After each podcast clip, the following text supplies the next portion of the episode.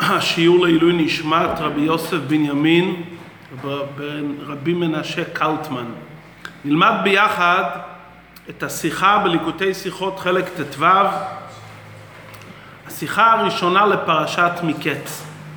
בפרשת מקץ מסופר שפרעה חולם חלום שהנה שבע פרות עולות מן היאור, פרות בריאות ומלאות, ולאחריהן עולים פרות דקות ורעות בשר, והפרות הדקות והרעות אוכלות את הפרות המלאות והבריאות, בלשון הפסוק ותבלנה. ולאחר מכן הוא חולם על שבע שיבולים טובות ומלאות ושבע שיבולים דקות ושדופות קדים שבולים השיבולים הדקות והשדופות בולות את השיבולים הטובות והמלאות. פרעה קם בבוקר ותפעם רוחו, הוא נבהל מהחלום. הוא קורא לחרטומי מצרים שיעזרו לו להבין את פתרון החלום.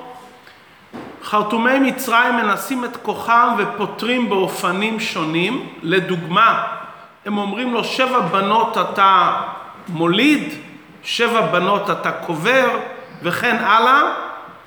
פרעה לא מקבל את הפתרון של חרטומי מצרים והוא מבוהל.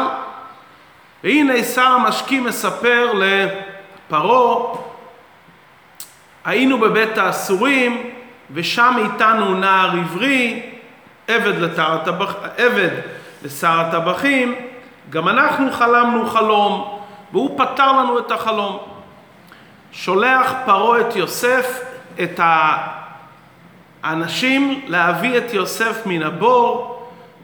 יוסף יוצא מבית האסורים, שומע את חלום פרעה לאחר שהוא מגלח ומכין את עצמו להיות ראוי לעמוד ליד המלך, והוא פותר את החלום שכוונת הדברים הנה שבע שנות צבא בא לעולם, ולאחר מכן יהיה שבע שנות רעב. וזה פתרון החלום של השבע הפרות ושבע השיבולים.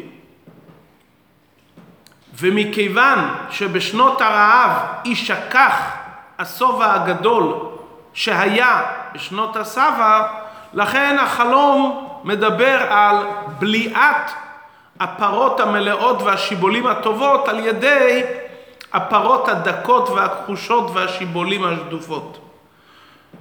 פרעה מקבל את פתרון החלום לאחר שיוסף נותן עצה ואומר ועתה יפקד פרעה פקידים ויצברו בר בשנות השובע לשנות הרעב, פרעה מאוד מתפעל מפתרון החלום ואומר אין חכם ונבון כמוך והוא ממנה אותו למשנה למלך מצרים. עד כאן סיפור הדברים בקצרה בתחילת הפרשה המדברת על חלום פרעה ופתרונו על ידי יוסף שבאמצעות זה בעצם יוסף נהפך להיות משנה למלך מצרים.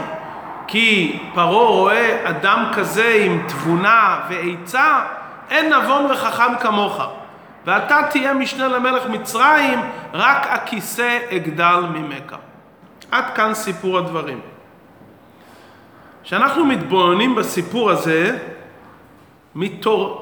מתעוררות שאלות בולטות מאוד על הסיפור ופתרונו. חרטומי מצרים היו אנשים חכמים. חוכמת מצרים, חרטומי מצרים. איך יכול להיות שחרטומי מצרים לא עלו על הפתרון הפשוט שיוסף אמר, שמדובר כאן על שנות שובע ושנות רעב.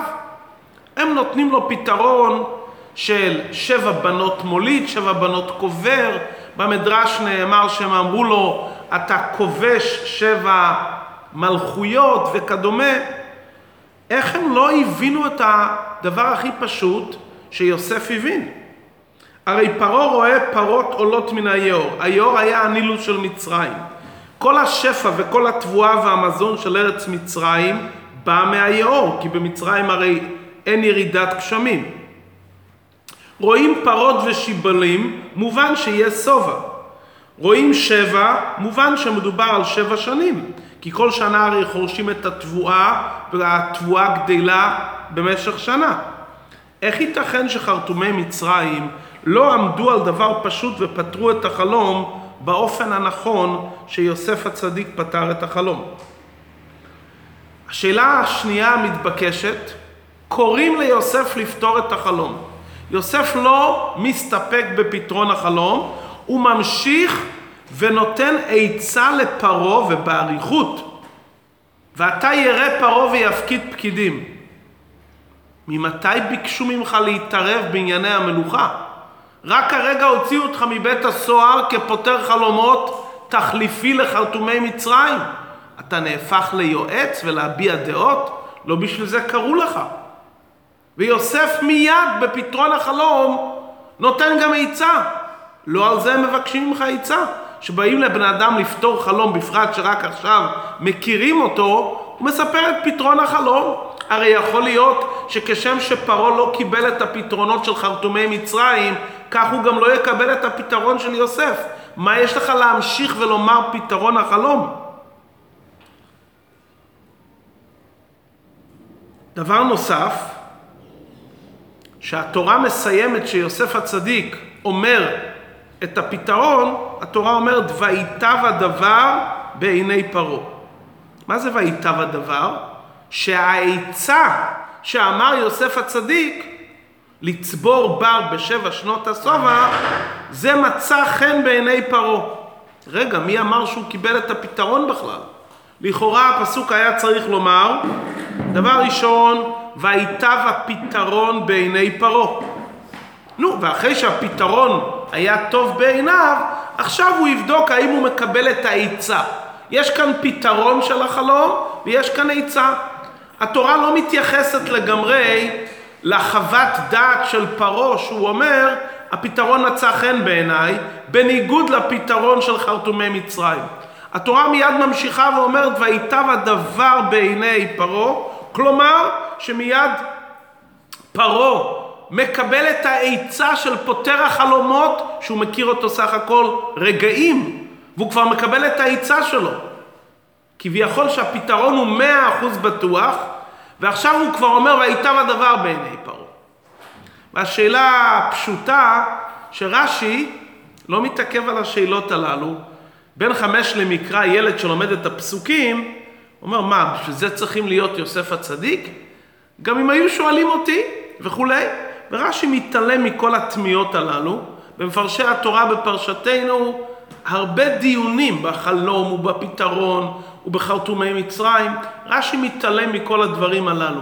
אם רש"י מתעלם, מובן שאם נתבונן בפסוקים לכשעצמם, נוכל להבין מה היה הפתרון של יוסף כל כך יצירתי, ומדוע התורה מיד אומרת ויטב הדבר בעיני פרעה ולא ויטב הפתרון. כלומר הוא כבר לוקח את העצה לפני שהוא מביע חוות דעת על עצם פתרון החלום. הדברים יובנו בהקדים מה פתרו חרטומי מצרים. רש"י אומר על המילים ואין פוטר אותם לפרעה הם אמרו לו, פתרון שבע בנות אתה מוליד, שבע בנות אתה קובר. מה רש"י בכלל צריך לומר מה היה הפתרון של החרטומים? הוא לא קיבל את הפתרון שלהם, היה מספיק לומר, פותרים למיניהם, פתרו את החלומות, ופרעה לא קיבל את זה. לא היה נשמע באוזניו החלום, פתרון החלום. לשם מה רש"י צריך להיכנס למה פתרו, מה היה הפתרון של החרטומים. הרי לפתור חלום זה משהו שאדם מתחבר לפתרון או לא מתחבר לפתרון. הוא לא קיבל את הפתרון שלהם. עלינו לדעת מה הם פתרו. ורש"י נוקט איזה דוגמה אחת של חרטומי מצרים, למרות שבמדרש מובא עוד פתרונות. לדוגמה מה שאמרנו לעיל, שאמרו לו אתה תכבוש שבע מדינות, שבע מלכויות אתה כובש וכולי, את זה רש"י לא מבין. הסברת הדברים בפתרון הזה, שאמרו חרטומי מצרים, דווקא הפתרון הזה, כאן יש תשובה לשאלה מה ראה פרעה והבין שרק הפתרון של יוסף הוא הפתרון האמיתי. כי יש כאן איזה דבר לא פתור בחלום. שאת הדבר הזה חרטומי מצרים מנסים לפתור בסיפור של החלום, ופרעה לא מקבל את הנקודה הזו. ויוסף שם לב לאותו נקודה בחלום, הוא מתייחס לנקודה הזו ומוצא את הפתרון הנכון.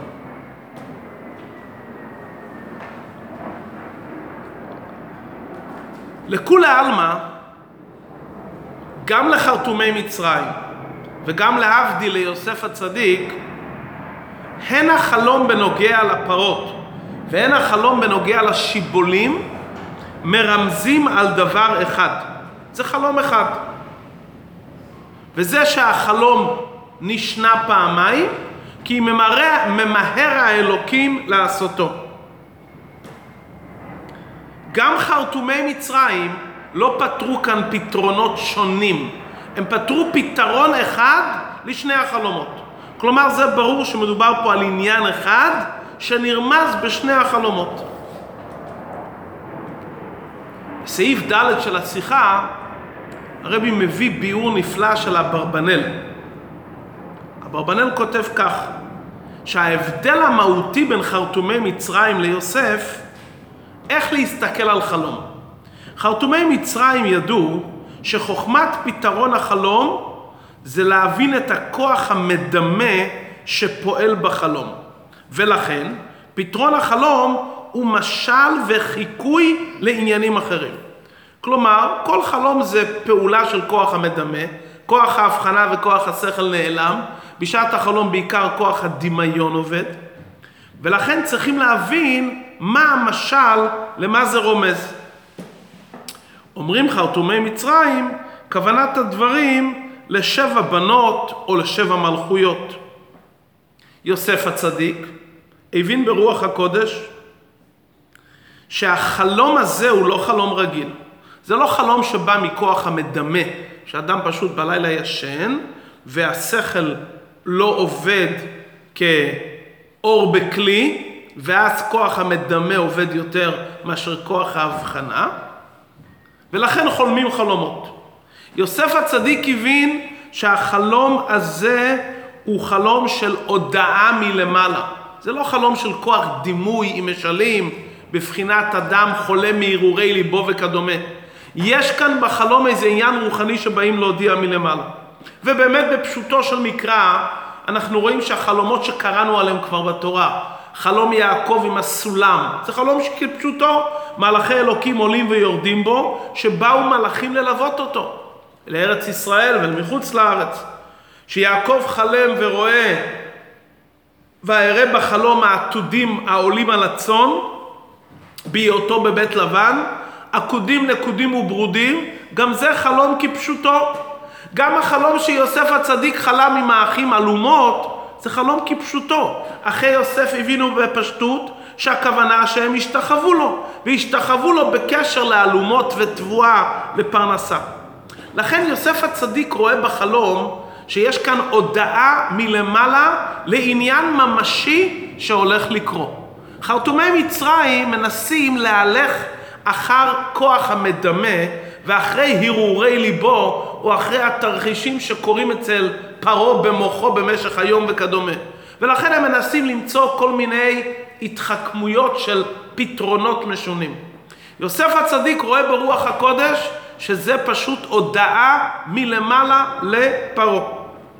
ולכן, יוסף הצדיק מבחין בנקודה שהפריע גם לחרטומי מצרים, אבל הם לא ידעו לפתור את זה במדויק. מה היה הקושי שלהם לא, לא לומר את הפתרון הפשוט שיוסף אומר? הרי ילד יכול לומר גם את הפתרון הזה. בחלום נאמר ככה, והנה שבע פרות אחרות עולות אחריהן מן היור, רעות מראה ודקות בשר, ותעמודנה אצל הפרות על שפת היור.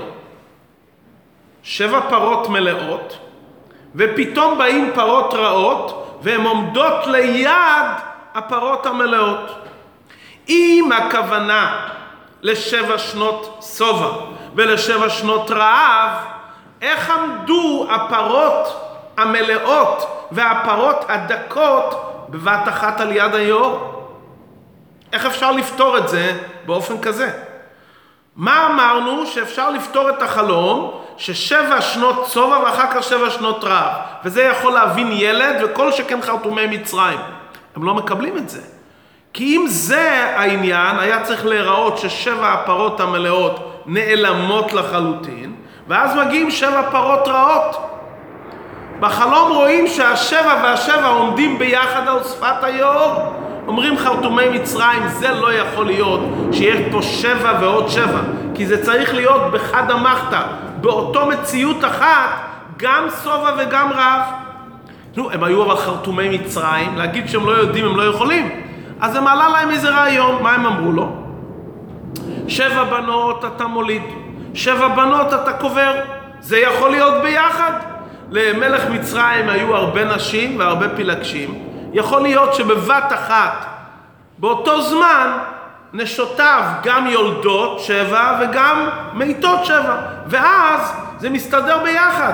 שאתה רואה שבע של פריחה ושבע של רעב, שבע של בליעה, כי שבע בנות אתה מוליד ושבע בנות אתה קובר באותו זמן. ולכן רש"י מביא את הפתרון הזה. זה אמרו חרטומי מצרים כדי לפתור את הבעייתיות איך עומדות הפרות המלאות והפרות הדקות בבת אחת על שפת היאור. את הפתרון השני שכתוב במדרש, שבע מלכויות אתה כובש וכולי, רש"י לא מביא את זה בפשוטו של מקרא. כי קשה מאוד לומר שמלך אחד ברגע אחד, בזמן מסוים, נלחם בשבע חזיתות בבת אחת, זה דבר שזה רחוק מהמציאות. בדרך כלל כשאדם יוצא למלחמה, יוצא נגד חזית אחת. לכן את זה רש"י לא מביא אפילו בפשוטו של מקרא, כי זה לא מסתבר שבבת אחת אדם נלחם עם שבע מקומות ומרוויח ומפסיד בבת אחת. אבל העניין הזה האישי, שפרעה בתור אדם אישי, יש לו כמה וכמה בנות מנשים שונות, ובמילא למרות ששבע בנות הוא מוליד, ושבע בנות קובר, ולכן יש לו צער גדול מזה, בבת אחת. מצד אחד הולדה, מצד אחד הכחדה. זה היה הפתרון של חרטומי מצרים. זאת אומרת, את זה הם הבינו, והם יכלו ליישב את זה עם החלום שהפרות המלאות והדקות עומדות כאחד על שפת היור. ולכן רש"י הביא את הפתרון הזה, ולא הסתפק ואמר שחרטומי מצרים פתרו. הוא אמר גם את הפתרון כדי להבין מה היה להם קשה, ואיך הם מצאו פתרון שיוכל להכיל בבת אחת את המצבים השונים. נו, בא יוסף הצדיק, והוא אומר חידוש נפלא. הרי כולם מבינים שפתרון שאתה פותר לפרעה בתור איש פרטי, יולידו לו בנות, ימותו לו בנות, נו, זה פתרון יפה, אבל כאן מדובר על היאור. היאור זה מקור הפרנסה של מצרים. המזון של מצרים, התבואה, כל השפע מגיע מהיאור, לכן הם עובדים את היאור. בא יוסף הצדיק ואומר פתרון אחר לגמרי. מדובר על שבע שנות שובע ושבע שנות רעב. נשאלת השאלה, איך זה מסתדר עם החלום? בחלום הרי הפרות הדקות והמלאות עומדות בבת אחת. אומר יוסף בתור פתרון החלום, לא בתור עצה למלך מצרים, אלא בתור פתרון החלום, אתה יודע מה הפתרון? שבשנות השובע כבר יאגרו לשנות הרעב. ואז מובן איך שיחד עם הפרות המלאות בשעת מעשה צריכים לזכור את הפרות הכחושות. זה חלק מפתרון החלום ולא חלק מהעצה שאני בתור פותר חלומות נותן עצה למלך מצרים? מי אני לתת עצה? העצה שיוסף אומר זה בעצם הפתרון של החלום. היאור זה מקור הפרנסה של מצרים. איך נבין ששבע הפרות המלאות והדקות נמצאות בבת אחת. ברגע שירא פרעה ויפקיד פקידים, וחימש את ארץ מצרים בשבע שני הסבא, ויקבצו את כל האוכל, אז מובן איך יכול להיות שתי התקופות של שבע שנים בבת אחת. אם מיד בהתחלה של שבע שני השובע עושים את הפעולות לצורך שנות הרעב, אז זאת אומרת שבשעת מעשה יש לנו גם את השובע וגם את הרעב, וגם האדם בעצמו שחי עם השובע כבר בתוך ליבו ויודע שהולך להיות שבע שנות רעב. הוא רואה את השבע השנים הקשות, וכרגע בבת אחת, בזמן של השובע, הוא כבר עומד מול שנות הרעב. או, זה פתרון של החלום בדיוק, זה לא עצה, זה פשוט פתרון איך הדברים הולכים ביחד. ואותו דבר לאידך, שבשבע שנות הרעב ניזונים משבע שנות הסבא. כלומר שהפרות המלאות והדקות עוזרות אחת לשנייה לשני הכיוונים. כי בשנות הסבא כבר אוגרים לשנות הרעב, והרעב עדיין נמצא במודעות, ובשנות הרעב ניזונים משנות הסבא. זאת אומרת ש"ותעמודנה אצל שפת היאור הפרות המלאות והדקות", באמת זה העניין, ככה יהיה. כשפרעה שומע את זה, הוא אומר, אין איש חכם ונבון כמוך. אתה נתת לי את העצה בתוך החלום בעצמו. אתה פתרת לי את החלום, לא נתת לי עצה. לכן הפסוק אומר, וייטב הדבר בעיני פרעה. מכיוון שפה הוא רואה פתאום שיש כאן חוכמה שאדם רואה בכל פרטי החלום, לא רק את הבשורה, אלא גם את הישועה, שבעצם בחלום שהראו מלמעלה נתנו גם את ההודעה, ובתוך החלום נתנו גם את הפתרון והעצה. זה לא שיש חלום, ועכשיו צריך לחפש יועצים שייתנו עצות איך לפתור את החלום. יש לנו איזה חלום, קיבלנו מידע, בואו תעזרו לנו איך אנחנו מתגברים על החלום. לא, בתוך החלום האלוקי עצמו, ש"ותעמודנה הפרות המלאות והדקות בבת אחת", בזה רואים כבר גם את הפתרון. לכן נאמר, וייטב הדבר בעיני פרעה, והייתה ירא פרעה. אם כן מובן מדוע רש"י לא מתעכב בזה, כי בזה שרש"י אמר מה היה הפתרון של אותם חרטומים, אנחנו מבינים מה הציק להם בחלום, שלכן הם חיפשו איזה פתרון שיהיה זהה, שהשבע והשבע עומדות כאחד על שפת היאור, אבל זה לא יתקבל בעיני פרעה כי זה משהו אישי שלו. שהוא שמע מיוסף את הפתרון והעצה בתוך פתרון החלום, הוא אמר אין חכם ונבון כמוך. עד כאן לפי פשוטם של דברים. בפנימיות העניינים מבואר שהחלומות של פרעה זה היה בעצם ההתחלה לירידת בני ישראל למצרים.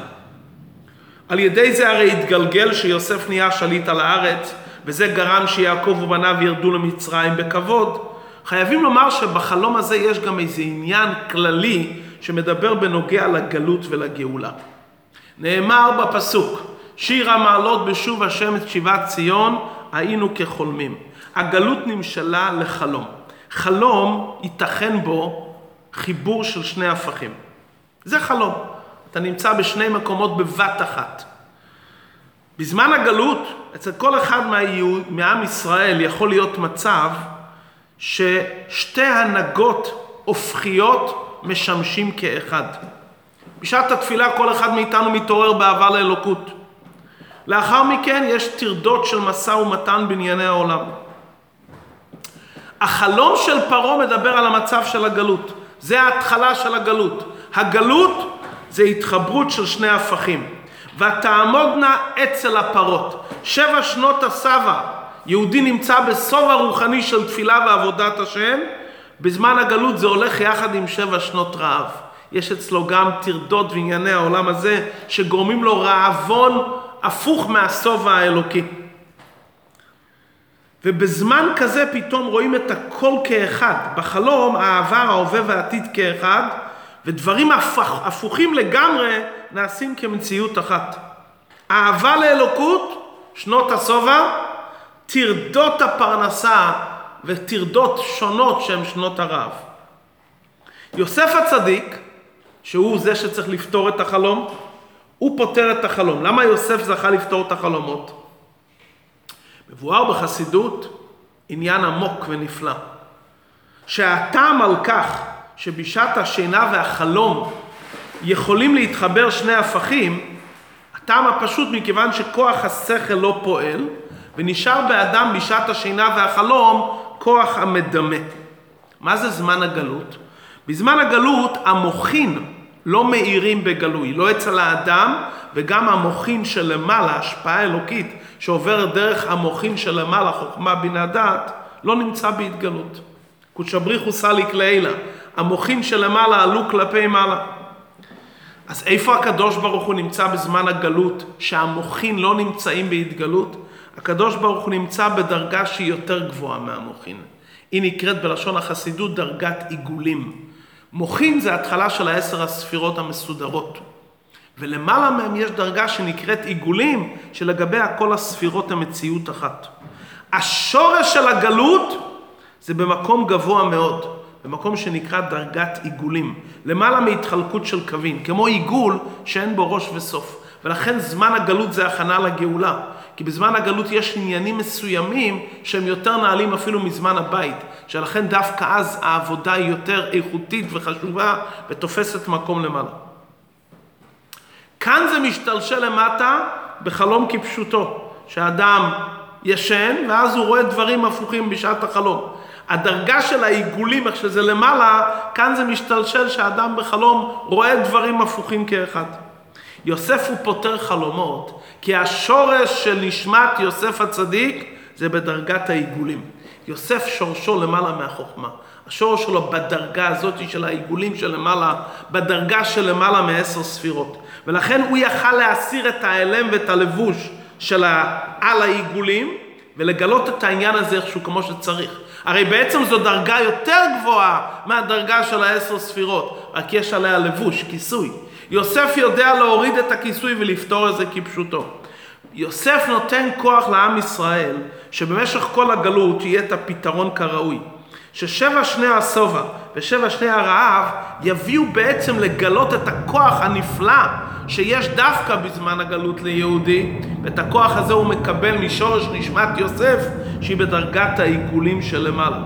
והוא נותן לנו את הכוח לפתור את החלום ולהתעורר מהחיבור של השני הפכים, כמו שיהיה בזמן הגאולה. שיתגלו העיגולים, יתגלה הדרגה הכי גבוהה, שהיא בלי גבול, שלכן היא נקראת בשם עיגול, והפתרון יהיה כראוי, לא פתרון בחלום שחיים בקוטביות ובהפכים, אלא אדרבה, השורש של העיגולים יתגלה בתוך האור הפנימי באופן מסודר. שאז יהיה לעתיד לבוא ולא ייכנף עוד מורך. לא יהיה לבוש שמסתיר על בחינת העיגולים, אלא הדרגה הזאת של העיגולים, שזה מרמז על דרגת הבלי גבול שלמעלה, יאיר כאן בעולם, ואז יקוים ביום ההוא יהיה השם, אחד ושמו אחד, כשם שאני נכתב, כך אני נקרא.